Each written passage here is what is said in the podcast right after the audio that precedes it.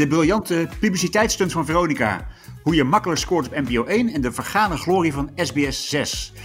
Welkom bij de AD Media Podcast, de eerste na de vakantie met natuurlijk tv-columniste Anja de Jong en mediaverslaggevers Dennis Jansen en Guido Tienhoven.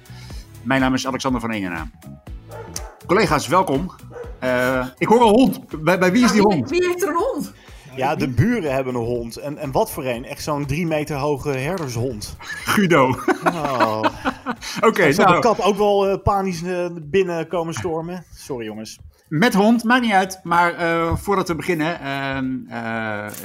wij zijn in coronatijd wel gewend aan programma's zonder publiek. Maar ik wil dat jullie wel eens weten. Nee, maar ik wil van jullie wel eens weten, missen we het publiek bij de tv-programma's? Want met de talkshows, met de slimste mens, het gaat er allemaal prima zo. Mag ik daar als eerst wat over Guido, zeggen? Ja? ja, nou ja, de slimste mens.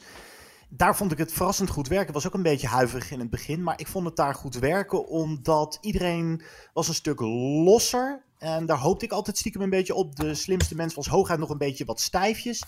En dat laagje verdween door het ontbreken van publiek. Er ontstond een soort gezellig, uh, comfy, cozy huiskamersfeertje. Dat programma echt te goede kwam. En uh, Dennis, uh, heb jij uh, liever publiek bij, nee, bij talkshows en zo? Of? Ik heb liever publiek. Als ik naar Veronica Inside kijk, dan dat, dat ontstond altijd, dat is ontstond, ontstaan zonder publiek, met, met Ruud de Weide lang geleden. Maar dat is toch veel gezelliger met een, met een volle huiskamer. Dat is waar. En Angela, wat, wat is jouw idee? Nou, ik miste het de eerste tijd heel erg.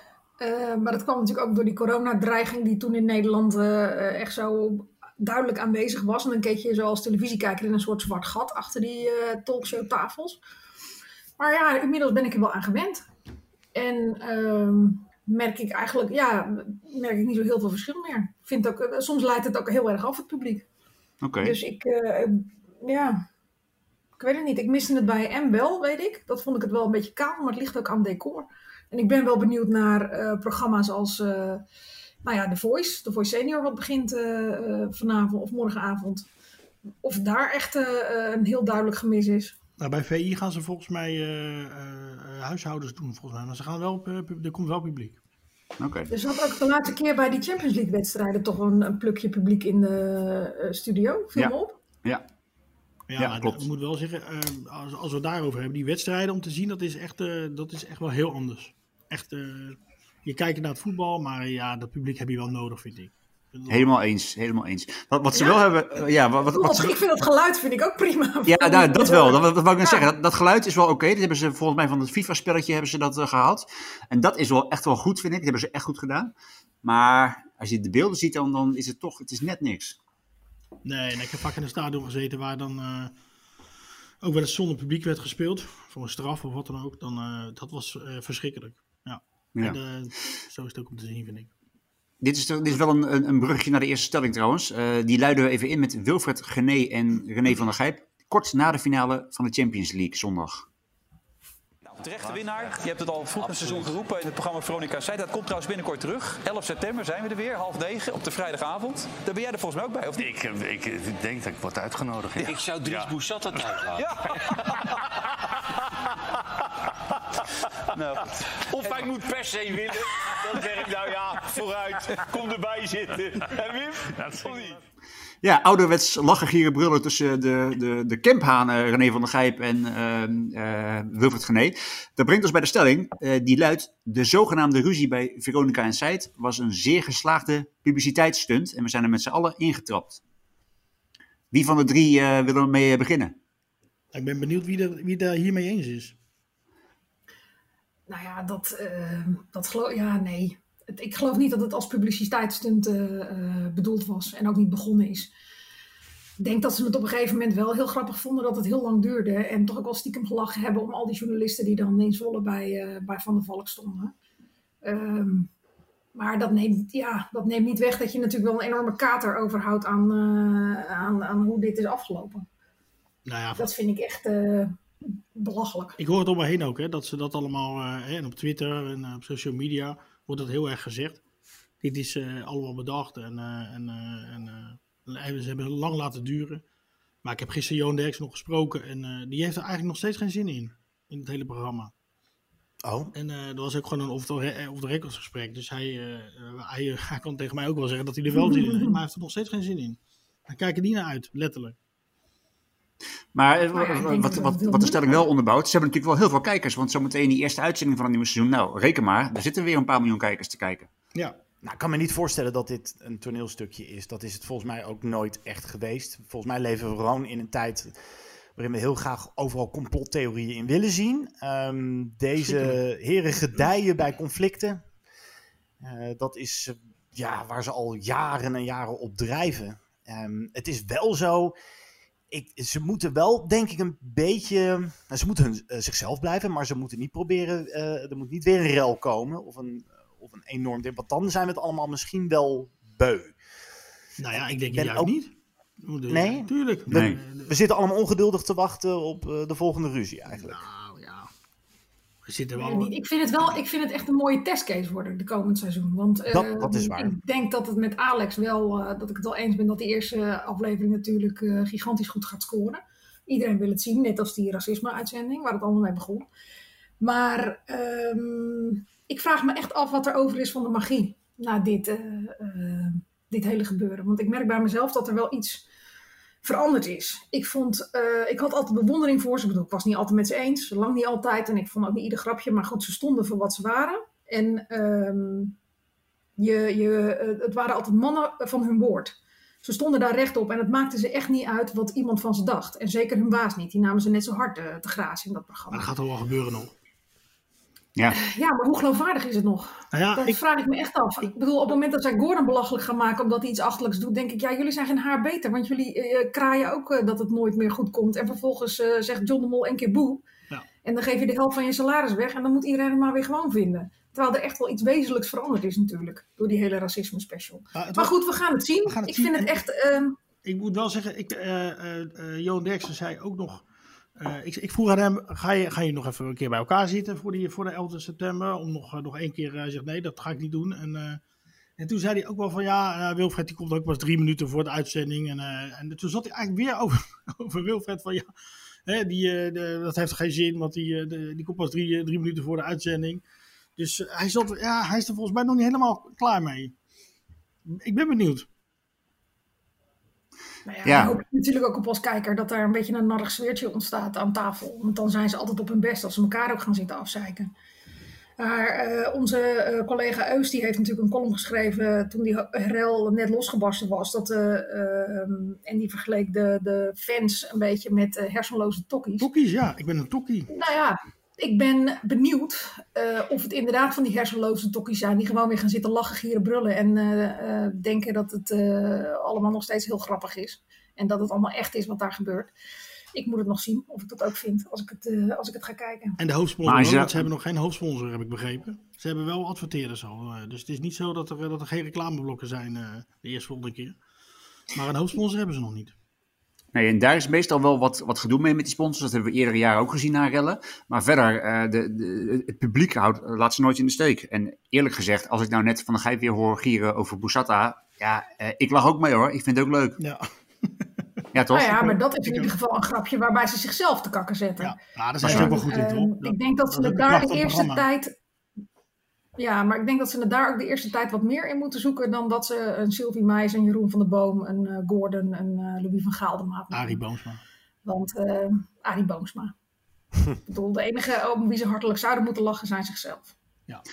En eh, eh, even een, een klein onderzoekje binnen ons clubje. Eh, eh, ik weet niet wie de, of wij allemaal kijken naar het programma. eh, maar gaan wij ons gedrag veranderen? Gaan wij niet meer kijken? Of, of gaan wij iets anders doen dan normaal? Ja, ik ga gewoon kijken. Nou, ik ben wel benieuwd naar de dynamiek en of die veranderd is. En dan ben ik geen groot fan. eh, Simpelweg omdat ik geen eh, voetbalkijker Het gaat ben. niet alleen over voetbal, hè? Nee, dat weet ik. Ehm, dat weet ik. Maar Was altijd fan, zonder voetbalfan te zijn.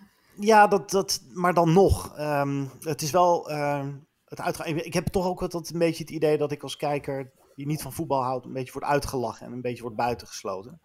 Ah. Ehm, Ja, maar dat is niet erg. Oh, dat neem ik ze niet kwalijk. Ik bedoel, ik ben dan misschien de doelgroep gewoon niet. Maar ik vind het altijd wel spannend wat daar gebeurt. Er kan elk moment wat gebeuren. En ik geloof wel dat het echt is. Ik geloof niet dat dat een groot toneelstuk Nee, geloof is. niet. Nee.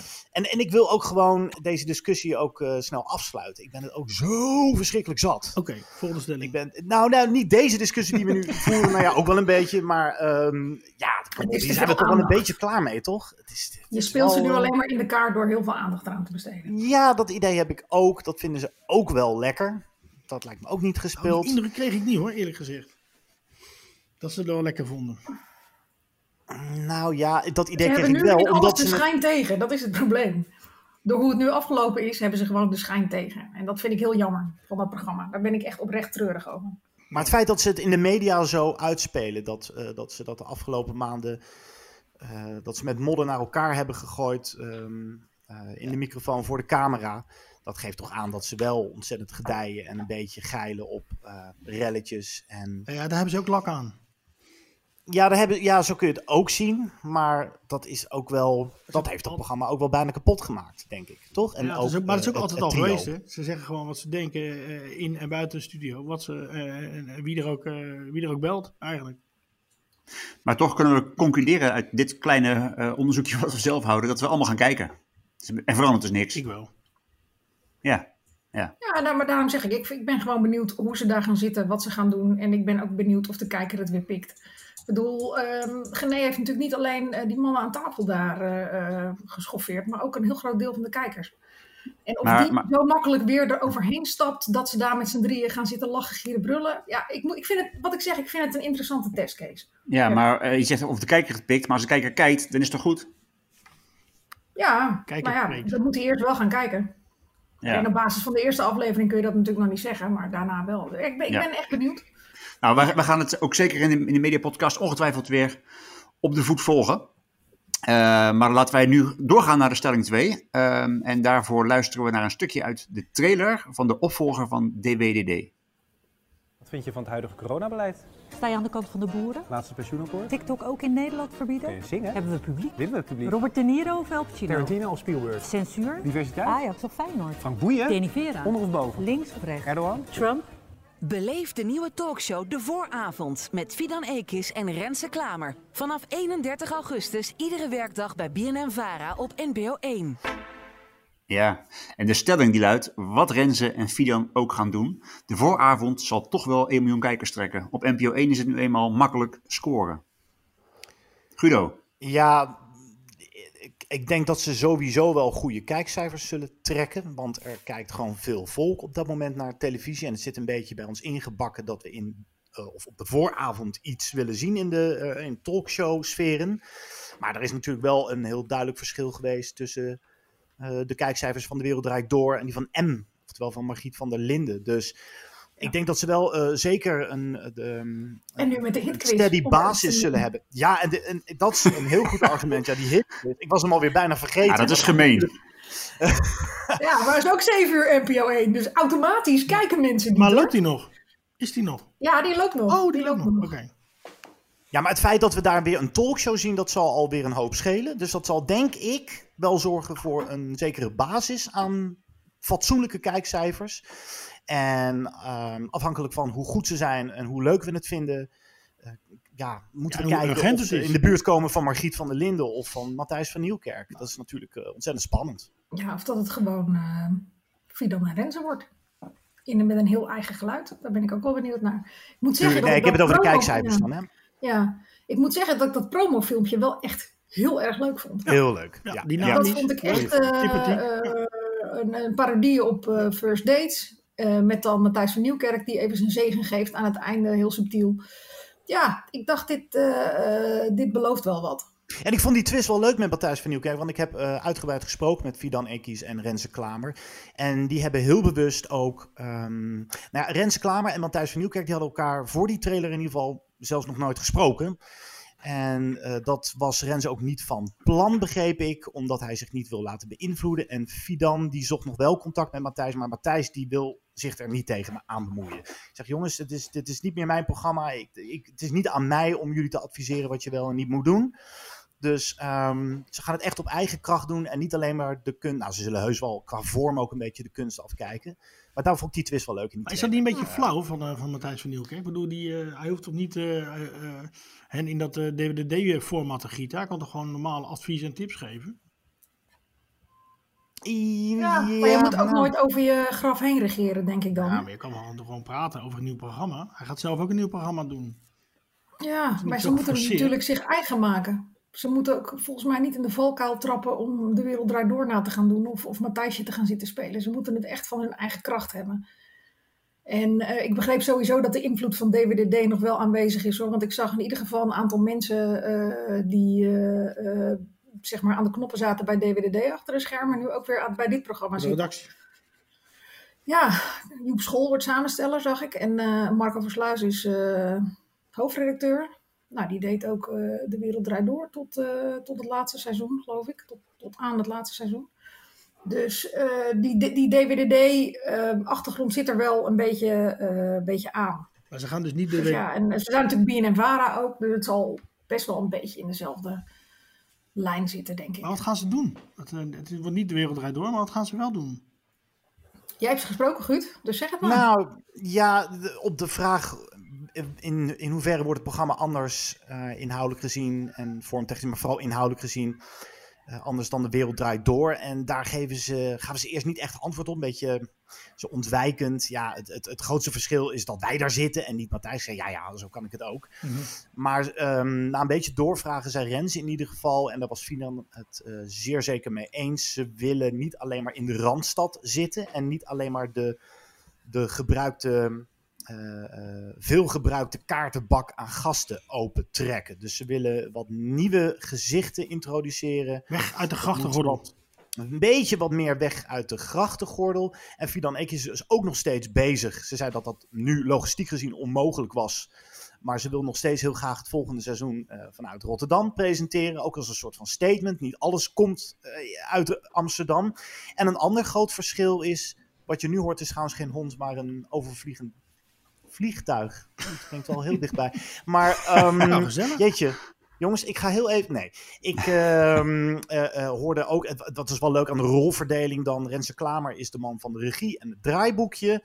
En Fidan gaat een beetje als een soort van. Ja, noem het een beetje plat gezegd. De kanon daar zitten. Die wordt wat meer de opiniemaker. Die eh, gaat zich wat meer mengen in de discussie met haar eigen mening. Dus dat vind ik wel een spannende vorm. En zij, zij moet ook echt geen autocue lezen. Eh, Nee. dat, dat zegt ze ook. Dat is, dat, daar ben ik gewoon echt slecht in, want dan ga ik presentatortje spelen. En Renze vindt dat niet erg, want die zegt: Ja, ik ben radio gewend, dus ik ben iets meer van het draaiboek. En Zijn ze meer van de reuring, Fidan? Ja, zij gaat voor de reuring zorgen. Renze houdt de boel in het gareel. Dat is wat het een beetje moet gaan worden. En voor de rest ja, zal het ongetwijfeld weer zijn dichtgesmeerd met leuke gesprekjes, rubriekjes en muziekjes. En Maar daarin geen- zal het ongetwijfeld een beetje lijken op DWDD. En geen sidekick? Of wel? Nee, of je moet, of je moet Fidan zelf eh, de sidekick noemen. Eh, dat zal ze niet leuk vinden eh, als zij zo wordt genoemd. Maar ehm, ja. Die rol heeft ze. Ja, Ja. ik- ja dat, moeten we, dat moeten we zien hoe dat uitpakt. Misschien dat zij inderdaad een beetje als een tafeldame in de wereld rijdt door, best het gesprek afwacht en gewoon pas haar mond open doet als Toeslaat. ze denkt. Ik, ja, dat ze dan Ja. ineens toeslaat. Ik, ik weet niet ehm, hoe dat eruit gaat zien. Nou ja, het klinkt in ieder geval wel alsof ze wel rekening houden met wie daar zitten. En dat lijkt me altijd een heel goed uitgangspunt voor een programma. Ik vind het ook wel weer opvallend, want ik dacht dat de publieke omroep helemaal geen personality-driven talkshows meer wilde. Of daar in ieder geval van af wilde. Sinds eh, de grote sterren natuurlijk afhaakten. Maar ja, waar we net, waar we net mee begonnen, wat jij zei van eh, eh, het is al anders omdat wij er zitten. Daar komt het natuurlijk ook wel voor een deel op neer bij talkshows. Zo mooi gezegd. Op één is ook een tafel met gezichten, eh, met, met gesprekjes met mensen uit het nieuws. Ja, en daar moet je dan als presentator net je eigen eh, sausje overheen kunnen gieten. En ook over zo'n programma, dat je net even een onderwerp kiest wat net even anders is. Nou, ik ben benieuwd. Het is in ieder geval, eh, ik heb er wel zin in. Het wordt alweer tijd dat de televisie een beetje leuk wordt. eh. Nou, we, hebben, we krijgen Jort toch ook eh, erbij? eh, eh, in plaats Bij Op één. Op één. Ja, ja, ja. Ook wel een, eh, een leuke, leuke toevoeging waar ik me op verheug. Ik ook. Ja, maar dat, dat, eh, Dat het mag een geen beetje spannend wordt op Ja, de, ja, ja. mag geen geheim Ja. zijn dat ik dat ook toejuich. Ja, Dennis, je, je hebt al vaak gezegd in deze podcast dat jij hem wel elke dag zou willen de zien. NPO. Dat is, ik bedoel, eh, dat is duidelijk. Ja, ja, heel goed. De invloed van Dennis Jansen wordt, eh, wordt tastbaar. Nou, Nou, ik- hij- ze hij is weten goed op bij de de NPO Hij is wel bespraakt, hij is scherp, hij heeft humor. Ja, Ja, bij de NPO zijn ze dol op eh Jort Kelder, maar ze weten ook heel goed, en dat, dat schijnen ze ook eh, veelvuldig te hebben uitgesproken, Jort moet je niet elke dag he- daar hebben. nee, dat is inderdaad een eh veelgehoord adagium. Dus elke week. Ja, Wij mij wel. elke week. Voor mij mag hij elke dag. Er mag wel een beetje peper in die talkshow komen, vind ik persoonlijk. Ik bedoel, het is nu allemaal vlak, redelijk vlak. Gesprekjes worden netjes afgehandeld op een manier zoals de redactie het van tevoren heeft bedacht. En ehm, iets meer persoonlijkheid. Ik mis echt gewoon heel erg gewoon echt een vlammend interview daar. Of, of gewoon een, Nou ja, een scherpe er- opmerking. Of een, of een ja, wat, waar pauze goed in was. Ja, en ik zat ook eens terug te denken, wat was ook alweer of de, de kracht van Matthijs van Nieuwkerk? Nou ja, eh, was alsof het twintig jaar geleden is. Maar wat ik zo mooi vond aan Matthijs van Nieuwkerk, die kon, ehm, als hij ergens van genoot, van een goed gesprek of een stuk muziek of een inspirerende gast, dan zag je hem echt glimmen. Dan zag je die ogen helemaal, helemaal fonkelen. Ja. Ehm, dat, dat was daar heel mooi aan. En ik hoop dat we dat, ehm, dat, we dat weer een beetje terugzien. ehm, Ja. in de vooravond. En, want dat heb je bij op één niet. Hè. Dat, is, dat is toch wel wat vlakker. En het is ook de bedoeling dat het daar wat vlakker is. Maar zie jij die Eh, oogjes glimmen bij Renze neutraler. Klamer? Ehm, Ja, ja, dat zie ik wel. Ja, Ja. ik zie het wel een, een beetje. Ja, ja ik, zie, ik zie dat wel een, Een beetje. beetje. Ja. nou ja, goed. Hij heeft natuurlijk met, die, met dat later op vrijdag, of later op vrijdag, heeft hij wel bewezen dat hij een, een gezellige host is. Eh, die ook journalistiek eh, best eh, heel gedegen kan interviewen. Mhm. Ehm, maar ja, ja, dat- ja, ik denk dat dat er wel in zit. En ik hoop dat het ook een beetje gaat botsen tussen hem en Fidan. Die twee kunnen het leuk met elkaar vinden. Maar het is natuurlijk. Het hoeft geen eh, trio Veronica Inside te worden. Of duo Veronica Inside. Eh, maar een, een, een beetje, een beetje wrijving tussen die twee zou ik stiekem ook wel Ja. leuk vinden. Hij is trouwens wel echt enorm gegroeid, vind ik hoor, de afgelopen tijd. Hij deed natuurlijk al eh, die, eh, die talkshow in de Luton na het nieuws. Ergens op het Siberië van je afstandsbediening. Maar eh, daar was hij altijd redelijk, eh, eh, nou ja, zakelijk op het saaien af. Dat, dat, je, dat hij echt heel weinig relief had voor je als kijker. Je wist gewoon niet zoveel van hem. En dat vind ik dat hij door laat op vrijdag en ook door de nieuwsbv, dat hij dat wel eh, ehm, ja, heeft doen kantelen, zeg maar. Ze hebben de gunfactor, zeggen ze ook Ja. zelf. Ja, dat hebben ze Ehm, zeker. Klopt dat? Ja, ja dat hebben ze. Ja, ja, ik denk het wel. Ja. Ja, Ja, dat heb ik ook. Hele goede uitstraling allebei. het zijn gewoon heel leuke mensen ook om naar te kijken. Ja. En dat is toch ook belangrijk, ja. Het is Dat het mooie mensen zijn, bedoel je? Esthetisch gezien fijne mensen. Ook? Ik Ja. weet niet of het altijd eh, mooi moet wel. zijn, maar aantrekkelijk. Zij zijn twee aantrekkelijke mensen om naar te kijken. Fidan is een mooie vrouw en ik begrijp van mensen zoals mijn bloedeigen vriendin dat eh Renze Klamer ook een lekker ding is. Dus dat, dat zal in dat opzicht wel werken. Maar kan jij het ook wel je- beoordelen, man? Toch? Ben je jaloers, Guido, of niet?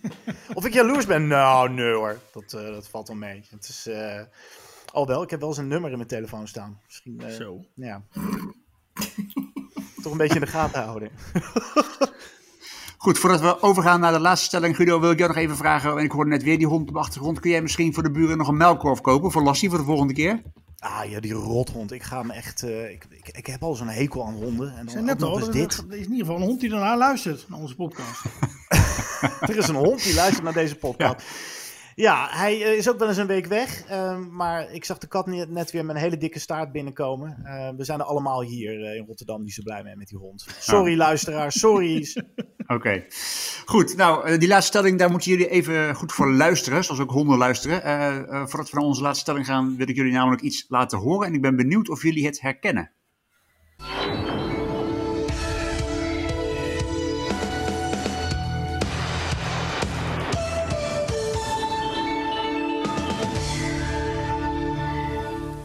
Ja, wie van de drie weet waar we net naar luisteren? De opening? SBS, denk ik. Sorry, niet tegelijk. Wie had het? Ja, De opening van SBS. En Guido, zei je, wat eh, zei jij?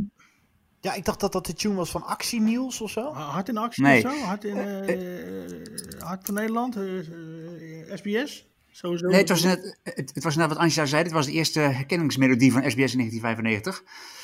Wat ons brengt bij de stelling nummer drie. Want jongen. SBS 6 bestaat 25 jaar, maar het zal nooit meer het succes van voorheen worden. Angela, wat denk jij? Ja, nooit meer is wel heel erg lang, hè? Dat, eh, eh, dat weet ik ook niet. Ik denk, ik durf wel te zeggen dat op, hoe ze nu bezig zijn, dat dat niet het grote succes gaat eh, brengen waar ze op gerekend hadden. Met het ontzettend schizofrene programmabeleid wat ze op het moment hebben. Daar word ik echt, kan ik als kijker geen touw aan vastknopen. En eh, waarom is het schizofreen volgens jou? Nou, eh, laten we de vrijdag nemen die, eh, die afgelopen vrijdag nieuw begon. Dan zit ik naar de vijf uur show te kijken, wat qua sfeer en stemming zo'n beetje rondom tien is uit de jaren tachtig.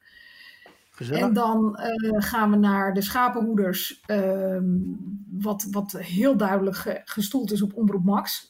Eh, want dat is de voice-over van Victor eh, de Koning. Denk dus aan Bed and Breakfast. Heel veel plaatjes van de natuur. Eh, het is ook heel duidelijk gesponsord door Natuurmonumenten. Met dan wel weer twee BN'ers die wel weer heel duidelijk uit de SBS-school komen. Bram Moskowitz en Rachel Hazes. Waar je als kijker nou niet automatisch heel warm van wordt van die twee. En dan daarna is het volbloed oud SBS. Met een, een, een, een, een wat dubieuze eh, manier die vakantieparken eh, leidt. En wat, wat echt wat, wat ordinair en goedkoop is. En wat altijd natuurlijk ook een beetje aan, aan SBS hing. En dan denk je van nou kom dan nu maar door met die soft pornofilm eh, daarna. Want dat hoort ook een beetje bij En dat die is er dan niet, of wel?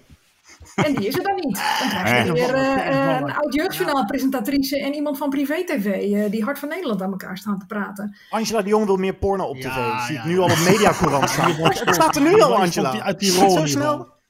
Dat zei ik niet, hè? Ik zei, je mist alleen daarna nog. Je zit helemaal in het gevoel van. Ja, maar jouw, Ja, jouw Angela. uitspraken moeten wel uit hun verband worden getrokken. Het is 2020, Angela. Kom op. Maar goed, het zwalkt.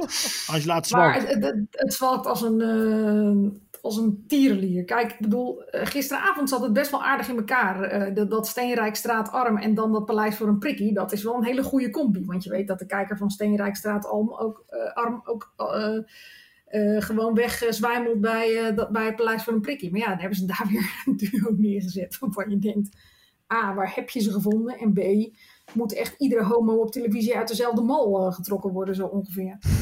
Peer en Brian, toch? Peer en Brian, ja. Dat, eh, eh, met een soort, eh, ze waren de klonen van eh, Roy Donders, meets uh, Gering Goor. En nou ja, hun eigen persoonlijkheid was ver te zoeken. Laten we het daar maar op houden.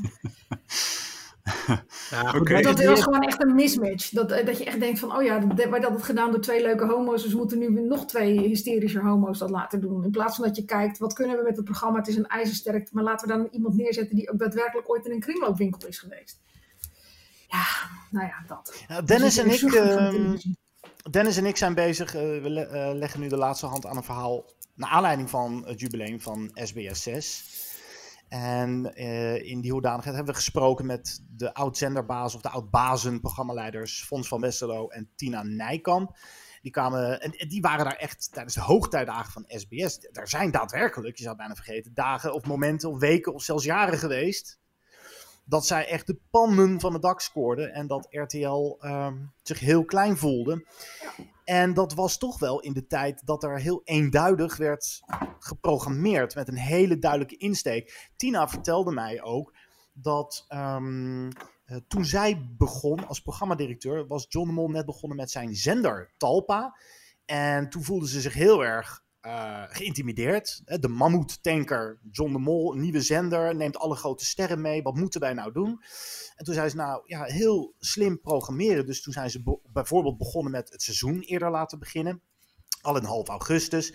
Ze zijn begonnen met entertainment op de vrijdagavond. Ja, Ja, ja, exact. hè. Begonnen met entertainment op de vrijdagavond. Eh, goedkoop programmeren. Eh, eh, programma's als reportage, weet je nog. Eh, eh, maar ook eh, Peter R. de Vries eh, was er natuurlijk. Dat moest een beetje spraakmakend zijn. Een reuring. En het was allemaal wel... Het paste allemaal in hetzelfde schabloon. En nu, dat zeggen zowel Tina als Fons... is het een beetje van alles wat. Ze zijn te bang, lijkt het wel, bij Talpa slash SBS Om te kiezen. om echt te kiezen. Dus eh, wil het echt weer scoren, dan zullen ze een enorme gok moeten nemen door echt weer ehm, bij- bijna te trechter programmeren, om even een vies woord te bedenken. Ja, en dat ze- gaan ze natuurlijk nooit doen. ze dat gaan ze ook ze nooit doen. Dit- Dat risico ook, neemt niemand meer. SBS kopieert nu ook natuurlijk, terwijl ze toen, en dat zei Fons van Westerlo eh, mij, dat, die, dat ze toen echt anders dan anders wilden. Maar goed, daar was volgens mij ook wel meer de tijd voor, heb ik het idee. Ehm, maar goed, Ja, moet er was ook wel wat je ge- wil. Er was ook wel wat geluk bij, hè? want, eh, want eh, eh, op een dag werd Fons eh, gebeld door John de Mol en die had ruzie met RTL. En die zei, wil je al mijn sterren en programma's hebben? Ja, en toen kregen ze inderdaad Peter R. de Vries en Robert ten Brink met, met, met al die programma's. Ja, dat was... Hij dacht dat hij in de maling was genomen door Bananensplit, eh, die fonds, dat die, zei hij. Ja. Dat was ook wel wat Maar geluk. weet je, wat het, eh, weet je wat het knappe van eh, Tina was? En dat is volgens mij altijd de, de, de sleutel naar het succes. Zij had heel erg goed voor ogen voor wie zij die programma's maakte. Wie haar publiek waren. En volgens mij had ze altijd als eikpersoon haar eigen zus. Ja, klopt. Ja. die hier een plezier mee en gaat die hier naar kijken. En als jij heel duidelijk afbakent welk deel van de bevolking jij wil bereiken, dan, ehm, dan kun je daar ook heel duidelijk je programma's op, op, op, op uitkiezen. En op afstemmen en op ontwikkelen. Ja. En dat gebeurt nu niet. Want ja, met, met de vijf uur show eh, richt je je op een publiek wat, wat, wat denk ik dik boven de 85 is. En eh, eh, met een advocaatje boven of achter de televisie in slaap sukkelt. maar weet je wel, dat, op ieder programma zit een compleet andere doelgroep. Dat je denkt, ja, maar waar wil je nu kijkers vandaan halen dan? Wie moeten hier nu gaan kijken? En, en gaat de een ook naar het volgende programma door dan? En weet je wat er een heel mooi voorbeeld van is? Dat K2 zoekt K3. We hebben het volgens mij wel eens eerder aangehaald in de podcast.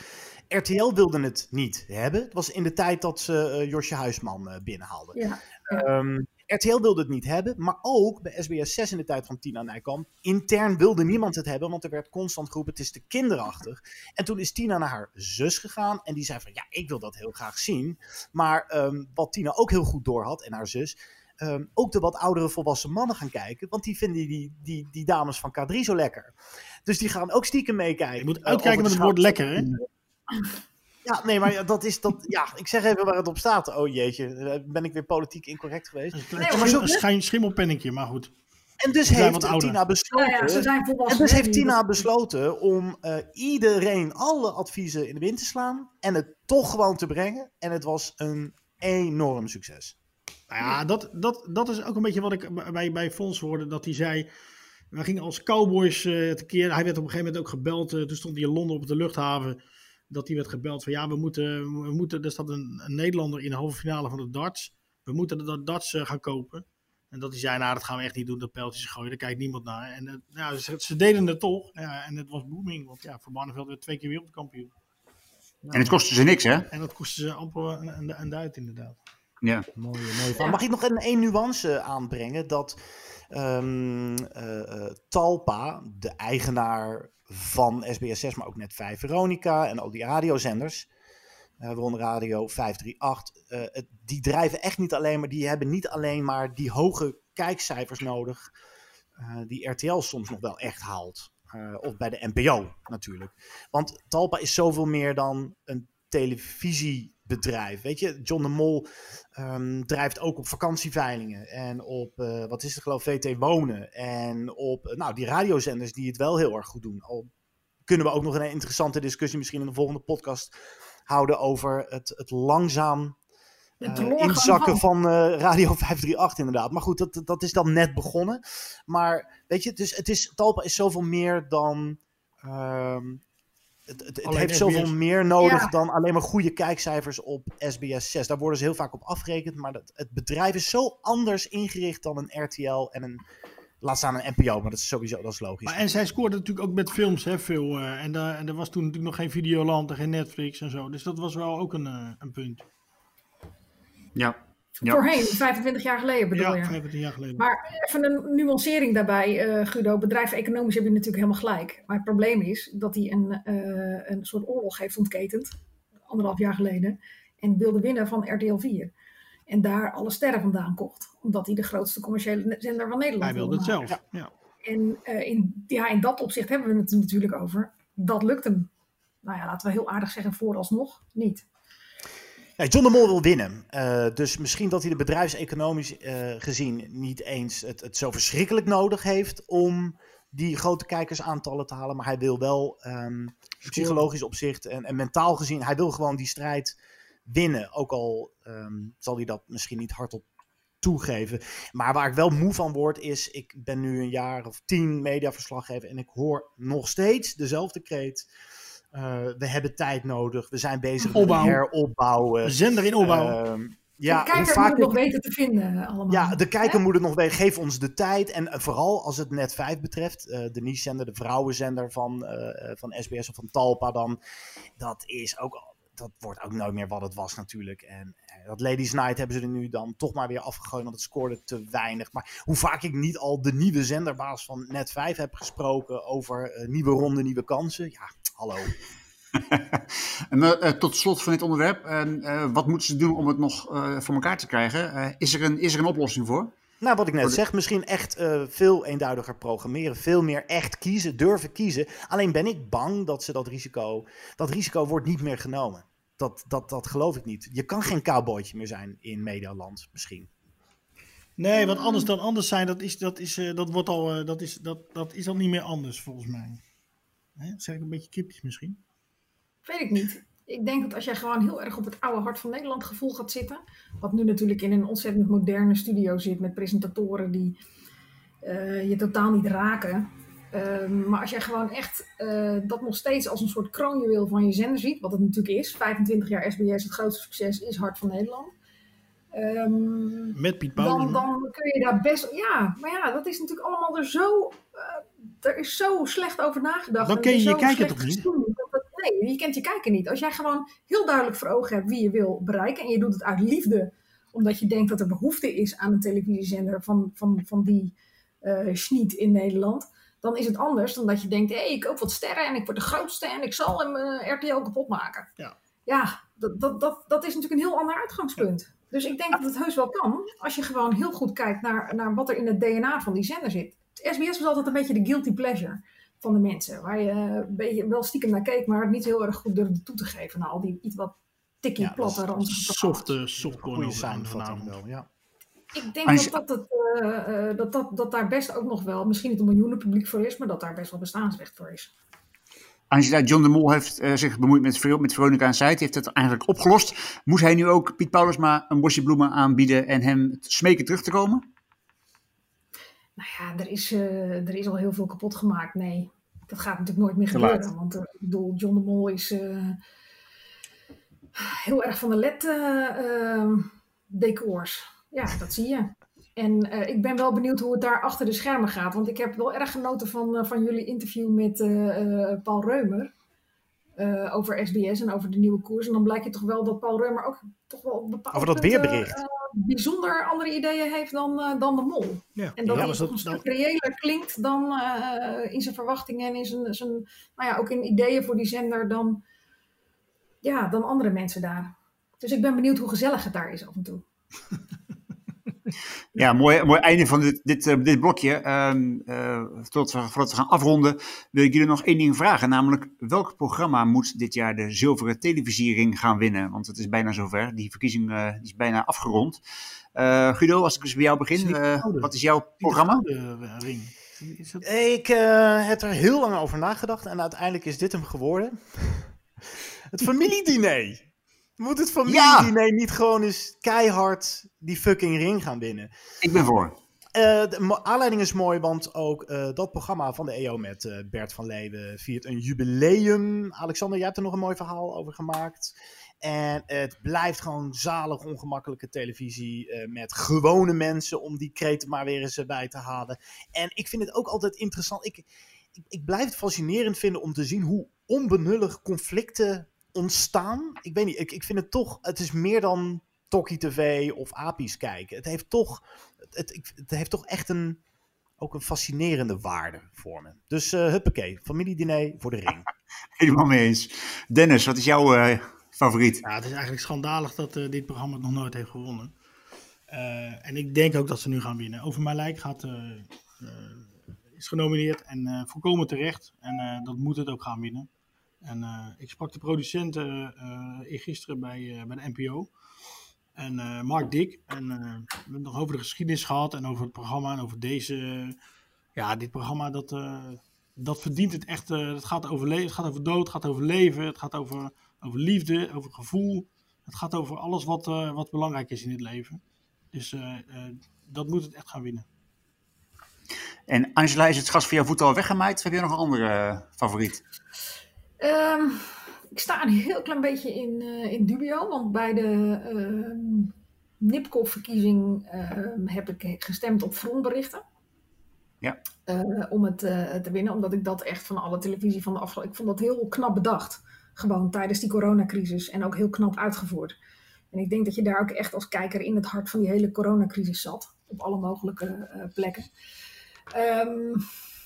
Maar qua televisiering, kijk naar kijkcijfers, kijk naar impact. Kijk naar wat iets losmaakte en, en, en hoe het je hart verwarmde als je ernaar keek. En, en, en hoe het eigenlijk een, een, ode was ook aan, eh, aan het leven. Vooral aan het leven en dat je zelf verantwoordelijk bent om er iets van te maken. En dat het dit onder alle omstandigheden kan. Ben ik heel erg voor het geheime dagboek van Hendrik Groen. Oh man, ik heb zo zitten huilen bij die, eh, bij die, af, bij die, al die aflevering. André van Duin die doodging. En het feit dat je daarna ehm, hoort dat in diezelfde periode zijn eigen man zo ziek was. Dat maakte het allemaal nog veel beladener. Maar goed dat de kijker dat volgens mij op dat moment niet wist. Maar ehm, ja, dat is zo. En het is zulk mooi gemaakt drama. En al die personages, wie je er ook uitlicht, je doet er altijd een aantal tekort. Ze zijn allemaal fantastisch. En ehm, ik heb wat mensen horen zeggen dat ze de boeken beter vonden. Ik vond de serie beter dan de boeken. Oké. En de hond is, eh, van de buren is het hier met je eens. Antje, die blafte één keer. Ja, maar die, die herinnert zich natuurlijk eh Mo nog, hè? Die ook al dood ging. Die ook dood ging, ja. Ja, maar ja, de, de tragiek die erin zat, maar ook de humor en, en, en de, de, de, het kleurgebruik, alles klopte. Oh man, ik vind het zo. Ik vond het zo'n hartveroverend mooie serie. Ja, ik zal er nog Ja. slot voor. Dat is natuurlijk eh, dat is drama. Maar over lijkt, dat is het echte leven. Hè? Dus eh, ja, dat is waar. Het is absoluut een mooi programma. Is ook absoluut een mooi programma. Zit ik net zo hard bij te huilen. Absoluut. Ik zit altijd te huilen bij het familiediner. Dus dat moet eigenlijk. En het gaat ook over leven en dood. Ja, dat is, dat is het criterium. Maar goed, jij een net genomineerd. Het is natuurlijk nog een groslijst hè, waar de kijker uiteindelijk die genomineerden uit gaat kiezen. Ja. Maar de, de zijn, zijn duidelijk. Dus eh, nou, we gaan het volgende keer zien. Eh, eh, nou volgende keer nog niet, maar wel binnenkort. Ehm, ik dank iedereen die heeft geluisterd voor het luisteren. Wie wil reageren mag dat doen op media.ad.nl. Abonneren kan op Apple, Podcast, Spotify, alle bekende platforms. En dan rest mij te zeggen tot de volgende keer. En wie weet is het dan wel zonder honden, vliegtuigen en andere bijgeluiden.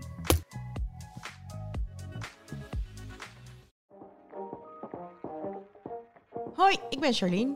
En ik ben Kevin, En vanaf 7 augustus zijn we weer met een nieuw seizoen van Binge Watchers. de podcast over series. Dus als jij alles wilt weten over de nieuwste releases op Netflix, Amazon Prime of andere streamers, Luister dan naar ons, maar ook voor verhalen over acteurs, de beste teamsongs en al het andere wat te maken heeft met series. abonneer je dan nu via Spotify of Apple Podcast. Of op ad.nl.